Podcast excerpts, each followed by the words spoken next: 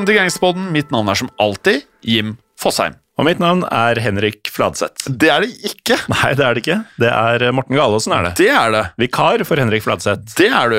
Eh, på sånn type tredjeplass over vikar eh, Det er du ikke. Nei, Du er på delt første sammen med Ken eh, Vasenius Nilsen. det kan jeg faktisk leve godt med. Ja, det bør du leve godt med, Mm. for han eh, har snart 20 års fartstid i radio. Ja, han er jo proff, han. Ja, så radio og podkast er jo litt hissigere med podkast, men eh, ja, du er der oppe, altså. Ja, ja. I motsetning til visse andre. Mm. Uh, I dag, Morten, så skal vi eh, tilbake ca. 100 år i tid. Mm. Uh, og vi skal ta med lytterne våre til uh, mafiaens spede begynnelse i USA. Og i denne perioden så skal vi da eh, besøke Ignacio Lupo, eh, en av de første mafiabossene i New York.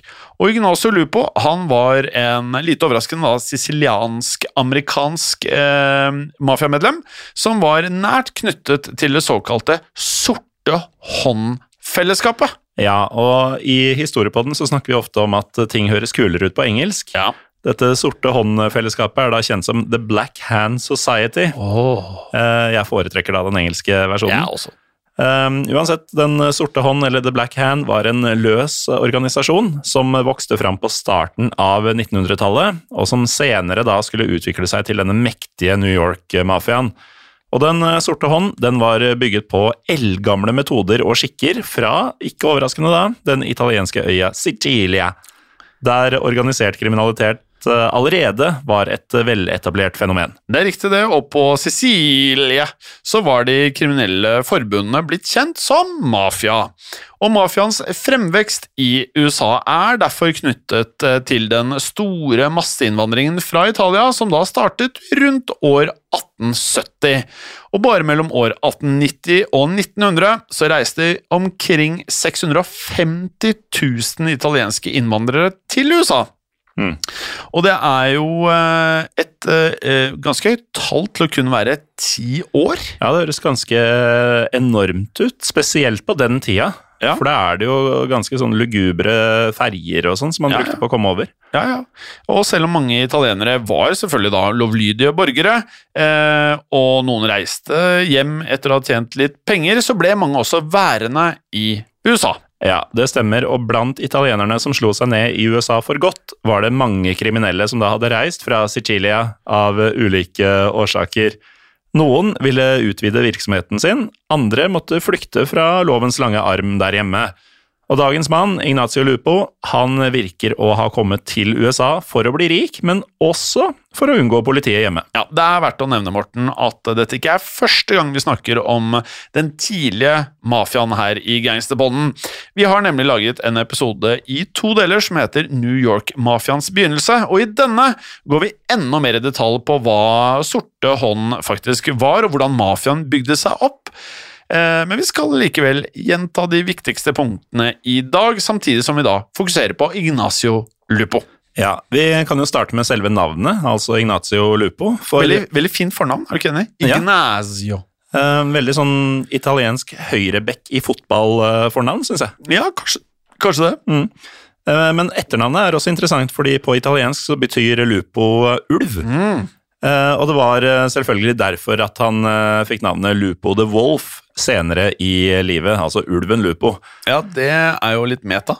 Men Ignacio Lupo han gikk også under navnet Ignacio Sayeta, som var morens pikenavn. Og um, bruken av etternavnet Sayeta det var sannsynligvis bare et dekknavn for å skjule seg for politiet. Ja, og Ignacio han ble født i Palermo han på Sicilia i 1877.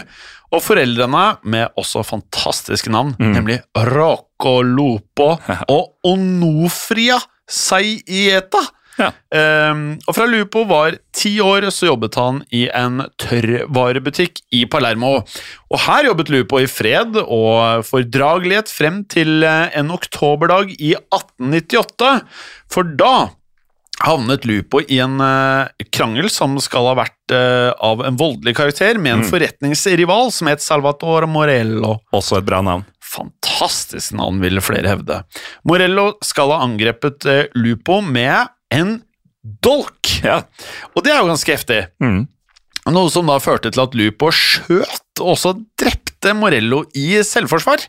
Eh, det var i alle fall Lupos forklaring. Det er ofte sånn at man sier eh, selvforsvar når man er den som har gjort eh, det groveste. Men eh, uansett hva som faktisk skjedde, så var Lupo da blitt en morder i en alder av bare 21 år, og han gikk da i skjul etter drapet, etter råd fra foreldrene sine, og han flykta til slutt fra Sicilia for å unnslippe straff. Faktisk det motsatte av Michael Corleone. Mm. Altså Han flykter til Sicilia for å unngå straff i USA. Ja, det er sant. Um, men Lupo han hadde noen korte stopp både her og der. Han, um, han var i Liverpool, han var i Montreal og Buffalo.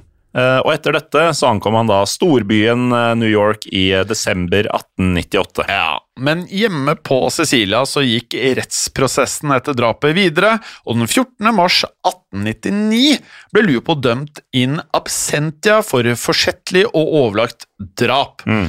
Lupo var med andre ord, Morten, ikke til stede i rettssalen. Som er det in absentia betyr. Nettopp, for han var i New Yorke. New Yorke. New York! Eh, og dommen den kom etter at Lupos butikkollegaer hadde vitnet imot ham. Og dermed var det blitt umulig for Lupo å noen gang flytte hjem til Sicilia. Så da han slo seg ned i New York City, så åpna Lupo en butikk på East 72nd Street på Manhattan sammen med en fetter. Men det tok likevel bare et par år før disse to fetterne ble uvenner, og i 1901 så starta Lupo sin egen importforretning. Og I tillegg så drev han også en eh, god gammel saloon Åh, ja. rett over gata i Prince Street. Ja, Lupo var jo da med andre ord en ganske god forretningsmann, eh, holdt jeg på å si. Mm. Eh, og han fikk jo da overtalt sin far Rocco til å reise over dammen i 1902. Og sammen så åpnet eh, Ignacio og Rocco en dagligvarebutikk i det samme området som nå var kjent som Little Italy. Ja, og eh, jeg var jo i New York en tur i sommer. Ja, du er der ofte. Det er jeg ikke, det var eh, andre gang i mitt liv. Ja. Men eh, er du sugen på noe ordentlige sandwicher, Ja, så drar du til Little Italy. da drar du til Little Italy. Eller så kan du dra til Cats Deli i eh, Chinatown. Ja, Som eh, er like ved, for øvrig. Ja. Mm. Har du vært der for, forresten? Eh, Ikke på Cats, men jeg har, vært, jeg har sett den. Ja. Fordi her har vi en referanse til en annen podkast jeg er med i, som er historie på den andre verdenskrig. Ja. For Cats Deli de sendte nemlig mat eh, til tropper eh, i, eh, kontinent, altså på kontinentet under annen verdenskrig. Ja. Og da kunne foreldrene til soldatene sende med brev og andre artikler som de ønsket at eh, barna skulle få med seg. Mm. Og på den måten så ble jo Cats Deli sånn, ja, et ikonisk sted, da, som også hjalp amerikanske tropper. ja, og ikonisk er det fortsatt en dag i dag. Men eh, hvorfor het dette området Little Italy? Jo, det kan jeg fortelle. Eh, Det er eh, ikke veldig overraskende av at italienske innvandrere hadde i store antall eh, flokka seg rundt dette området. Ja, og siden vi nevnte Chinatown, det har jo da fått navnet av nøyaktig samme grunn, men med kinesere i stedet for italienere. Ja, det er helt riktig. Uansett, det var på denne tiden at Lupo begynte å utnytte sine kolleger og landsmenn for sin egen vinning, i form av omfattende utpressing. Og her eh, begynner det å bli kjent Ja, ja, gangsterpod-materiale. ja. Dette her er det man gjør. Ja. Lupo var nemlig blitt kjent med utpressingstaktikkene som eh, ble kalt for eh, Den sorte hånd. Den eh, sorte hånd var nemlig opprinnelig ikke en organisasjon, men rett og slett en kriminell metode. Ja, og dersom man ble utsatt for Den sorte hånd, så foregikk dette her omtrent på en følgende måte. En intetanende italiener i Little Italy, ofte en mann som hadde mer penger enn andre, kunne plutselig en dag få et brev, og brevet gjorde det klart at dersom denne italieneren da ikke betalte en viss sum med lire Eller dollar. Dollar. så ville det gå dem svært ille. Så brevene truet som regel med ran, drap, kidnapping eller bombeangrep. Som man, hvis man ikke har hørt mye geist på den fra før, så tenker man sånn Hm, ran, drap, kidnapping og eller bombeangrep. Så Ja. tenker man, er ikke det ganske sykt? Men det var en veldig vanlig voldsmetode, eller pressmetode. Ja. Og um, ofte så var det tegna små symboler på disse brevene. Ja. Det var eh, ikke alltid hyggelig. Det kunne f.eks. være bloddryppende hodeskaller. Ja, det er ikke hyggelig. Eh, Det kunne være skarpe våpen eller spiddede hjerter. Ingen av disse tingene er hyggelig. Nei. Eh, Og fenomenet ble jo da kalt eh, Den sorte hånd fordi utpresserne ofte underskrev med en tegning av en hånd. Og noen ganger var denne hånda åpen, noen ganger var den lukket, og iblant holdt hånda kniver. Ja. Og Ignacio Lupo var med andre ord en eh, svært farlig og også grådig type, selv om eh, han da eide tre butikker i en alder av kun 25 år, så tørstet han etter enda mer liri. Og du sa jo at um, de som ble utsatt for Den sorte hånd, var ofte folk som hadde litt mer penger enn andre. Ja. Det høres ut som han var i en posisjon hvor han kunne blitt offer for dette, siden han hadde mer penger enn andre. Nå tenker du fremover, Morten. Og han bestemte seg da altså for å gå etter uskyldige italienere i nabolaget. Og for å da maksimere utbyttet, så slo Lupo seg sammen med en annen kriminell type, en Giuseppe Morello. Ja, men eh, Giuseppe Morello var, til tross for at navnet kanskje ringer en bjelle, ikke i slekt med mannen som Lupo hadde drept på Sicilia, Nei. som altså het eh, Salvatore Morello. Eh, Morello er bare et relativt vanlig navn i Italia, men Giuseppe Morello var ikke en vanlig italiensk immigrant. Han var en hensynsløs kriminell som hadde store ambisjoner og meget høy voldskapital. Åh, om han hadde. Eh, Og når vi er tilbake etter en eh, kort pause, så skal vi høre om hvordan Lupo og Morello bygde opp en mafialignende organisasjon i Little Italy. Følg med! Bentornato! Eller velkommen tilbake. Eller velkommen tilbake.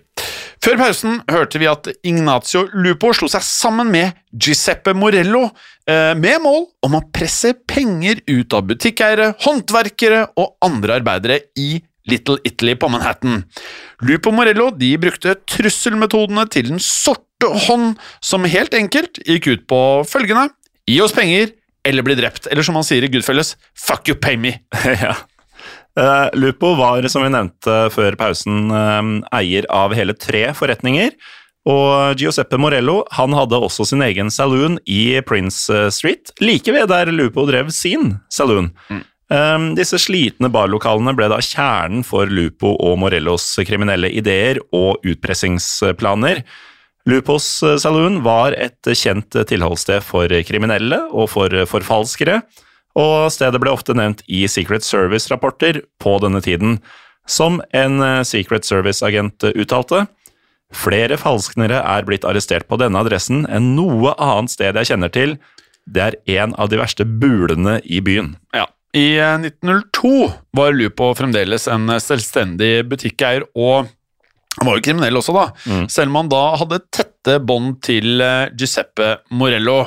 Og Morello han eh, på sin side hadde et nært samarbeid med sine tre halvbrødre, som het Vincenzo, Giro og Nick Terranova. Og Shiro, eh, jeg spurte jo før innspilling i dag om du hadde sett Gomorra, som Mm. går på HBO. Det hadde du ikke. Nei, ikke ennå. En av hovedkarakterene heter jo Giro. Giro. Ja, Veldig pent navn, faktisk. Mm. Eh, Eldstebror Vincenzo Terranova han var kjent som The Tiger of Harlem. Og det eh, er jo en fyr du ikke vil ha på nakken når det heter The Tiger of Harlem. Jeg, ble, jeg blir redd bare jeg hører det. Ja, det, det er fælt. Blir du redd? Jeg blir jo redd for uh, Harlem-tigeren. Du blir jo det. Eh, og han ble kalt uh, The Tiger of Harlem ettersom han da styrte kriminelle operasjoner i Harlem-bydelen i New York. Ja, Brødrene Terranova de var kommet til New York i 1893, og var jo dermed erfarne kriminelle innen at eh, Ignacio Lupo kom på banen nesten ti år seinere, altså i 1902. Og Terranova-brødrenes eh, halvbror, eh, Giuseppe Morello, var, som vi har hørt, også i ferd med å bli en major player Major Playore.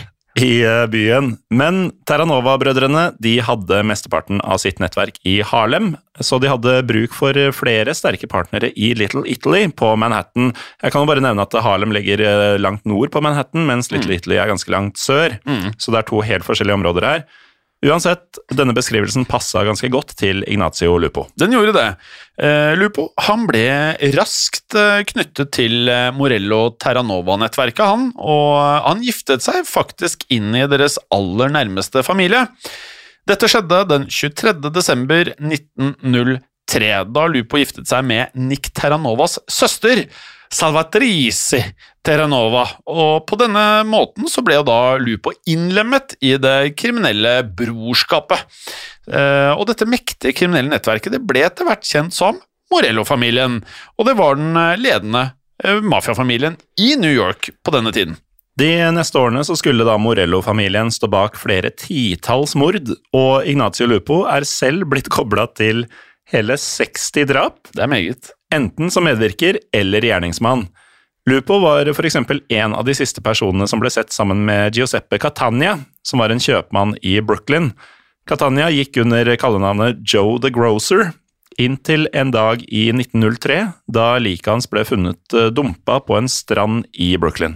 Hvis han er farlig, så er det et veldig Da syns jeg det høres veldig farlig ut. Ja, Men hvis han bare er en grocer, ja. en kjøpmann, så er det ganske passende å ja. Nesten koselig. Ja, nesten. Nesten koselig. Uh, på forhånd så var Joe the Grocer blitt innviet i en plan for pengeforfalskning av Lupo og Morello. Men Joe the Grocer han hadde ikke klart å holde kjeft, han. Uh, han hadde visstnok da snakket helt åpent om planene som Lupo og Morello hadde invitert ham inn i. God uh, idé. Ikke så god idé, og dette fikk Joe betale voldsomt for.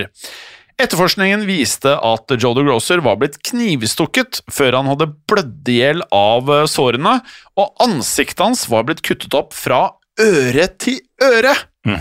Så kanskje ikke plapre for mye da med disse gutta her. Ikke gjør det. Eh, og til slutt så ble liket stappet i en potetsekk og kastet i sjøen veldig mafiate. Veldig mafiate. Sånn eh, mafiafilm-mafiate. Ja, nesten sånn komisk klisjéaktig. Nesten så kunne vært en del av Simpsons, på en måte. Ja, ja. Eh, ganske nært.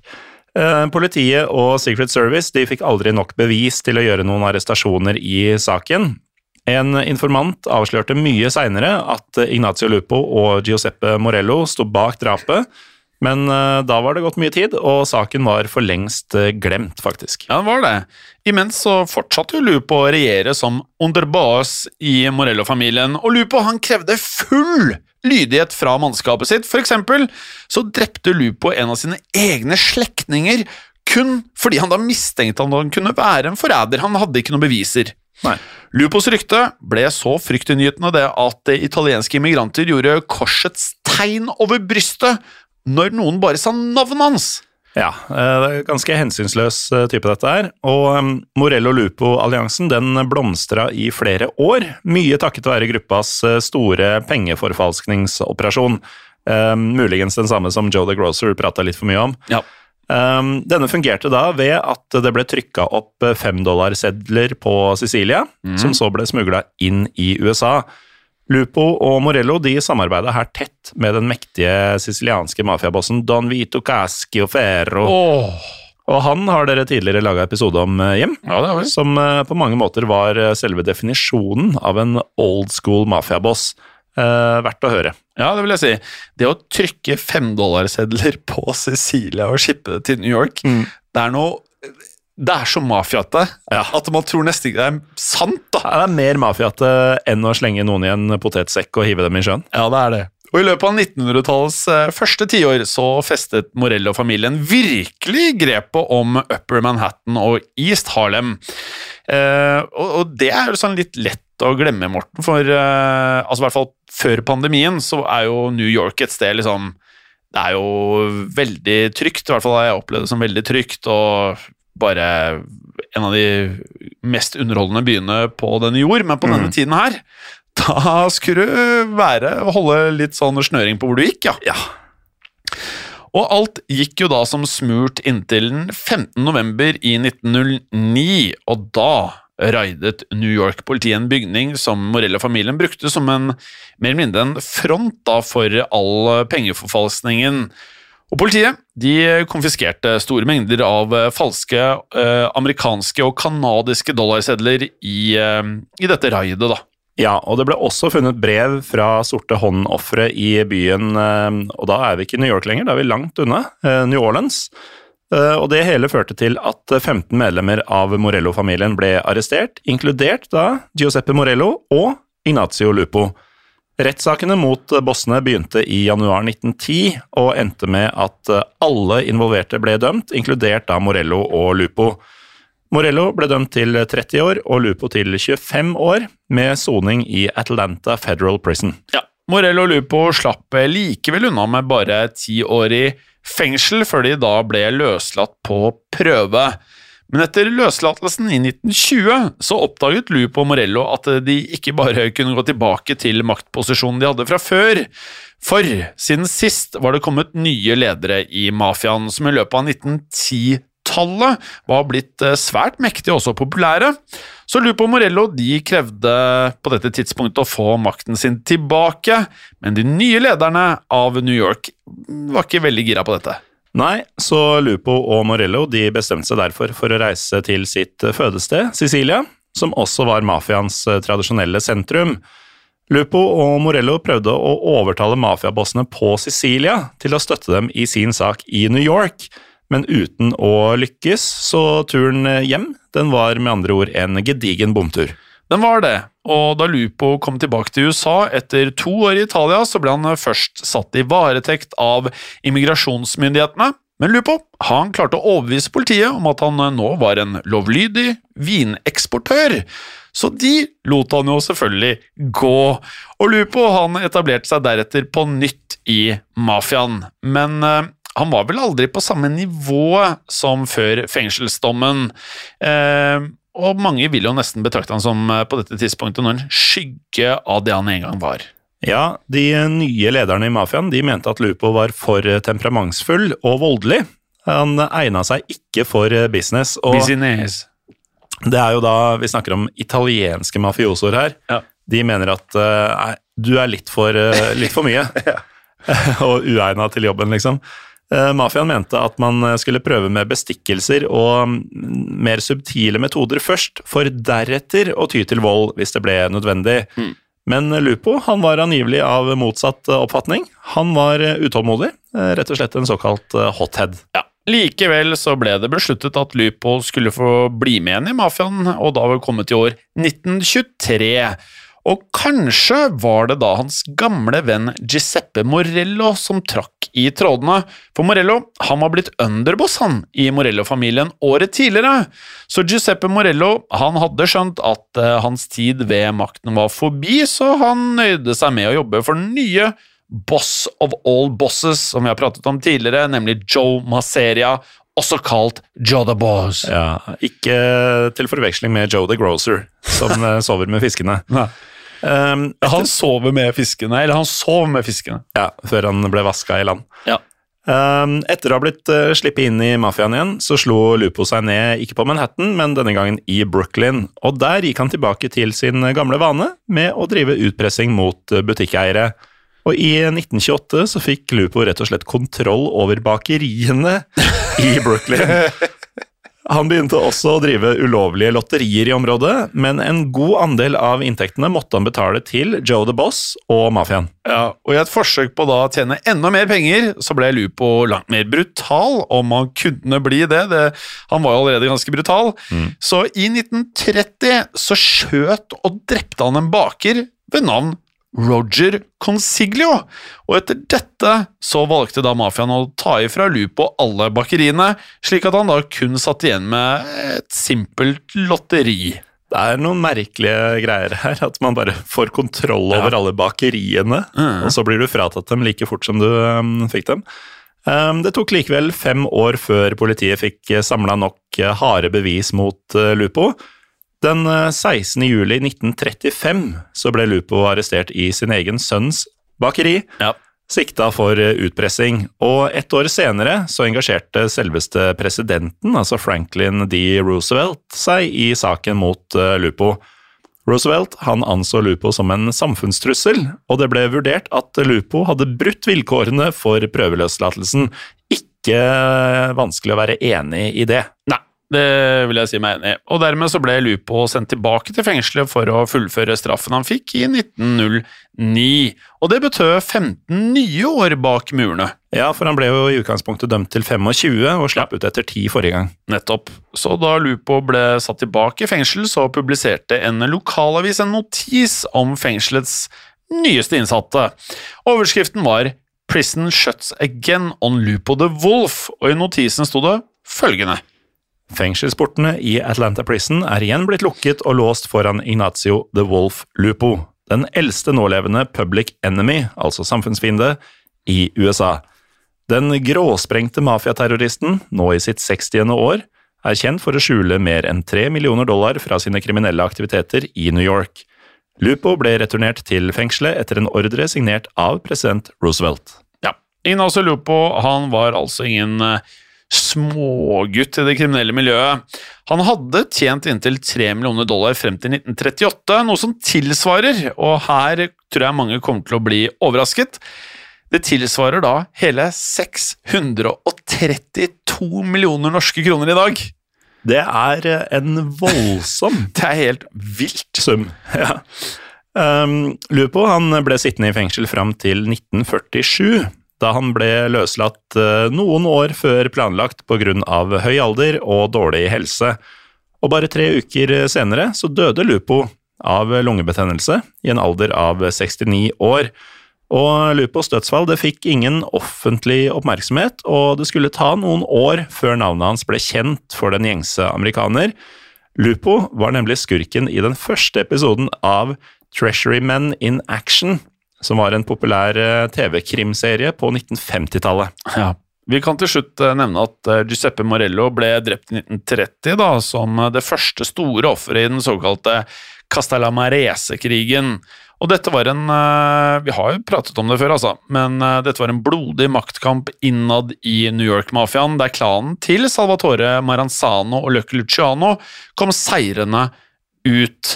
Og dette var jo da starten på den moderne mafiaen, slik vi kjenner den eh, når vi ser tilbake eh, på historien i dag. Mm. Og I 1931 så drepte Luciano nemlig sin boss igjen, Maranzano, før han da forente New York-mafiaen som et stort syndikat, altså The Commission. Syndikatet det besto av The Five Families, og er fremdeles aktivt, etter hva vi kan forstå. Og alt dette kan dere da høre mer om, eh, som Jim sa, i episodene om New York-mafiaens begynnelse og episodene om eh, nettopp Lucky Luciano. Men um, Gangsterpodden skal nok vende tilbake til Morello-familien og Terranova-brødrene i senere episoder, for det er mer å ta av, så ja, det er bare å bli, bli værende. Og det var det vi hadde for i dag, Morten. Ganske interessant episode, syns jeg. Enig. Mm. Eh, vi har en gangsterlåt denne uken også, og det er Wolf, WOLF, med Tyler the Creator. Har du hørt om Tyler the Creator? Det har jeg ikke.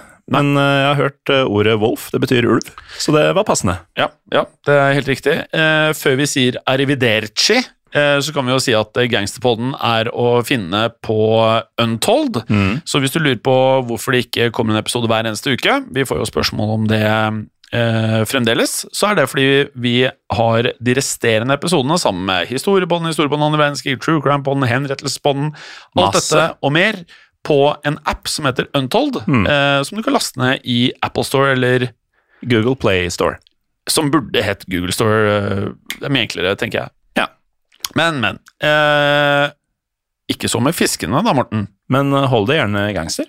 Arrivederci. Arrivederci. Arrivederci. Bye, bye. Bye.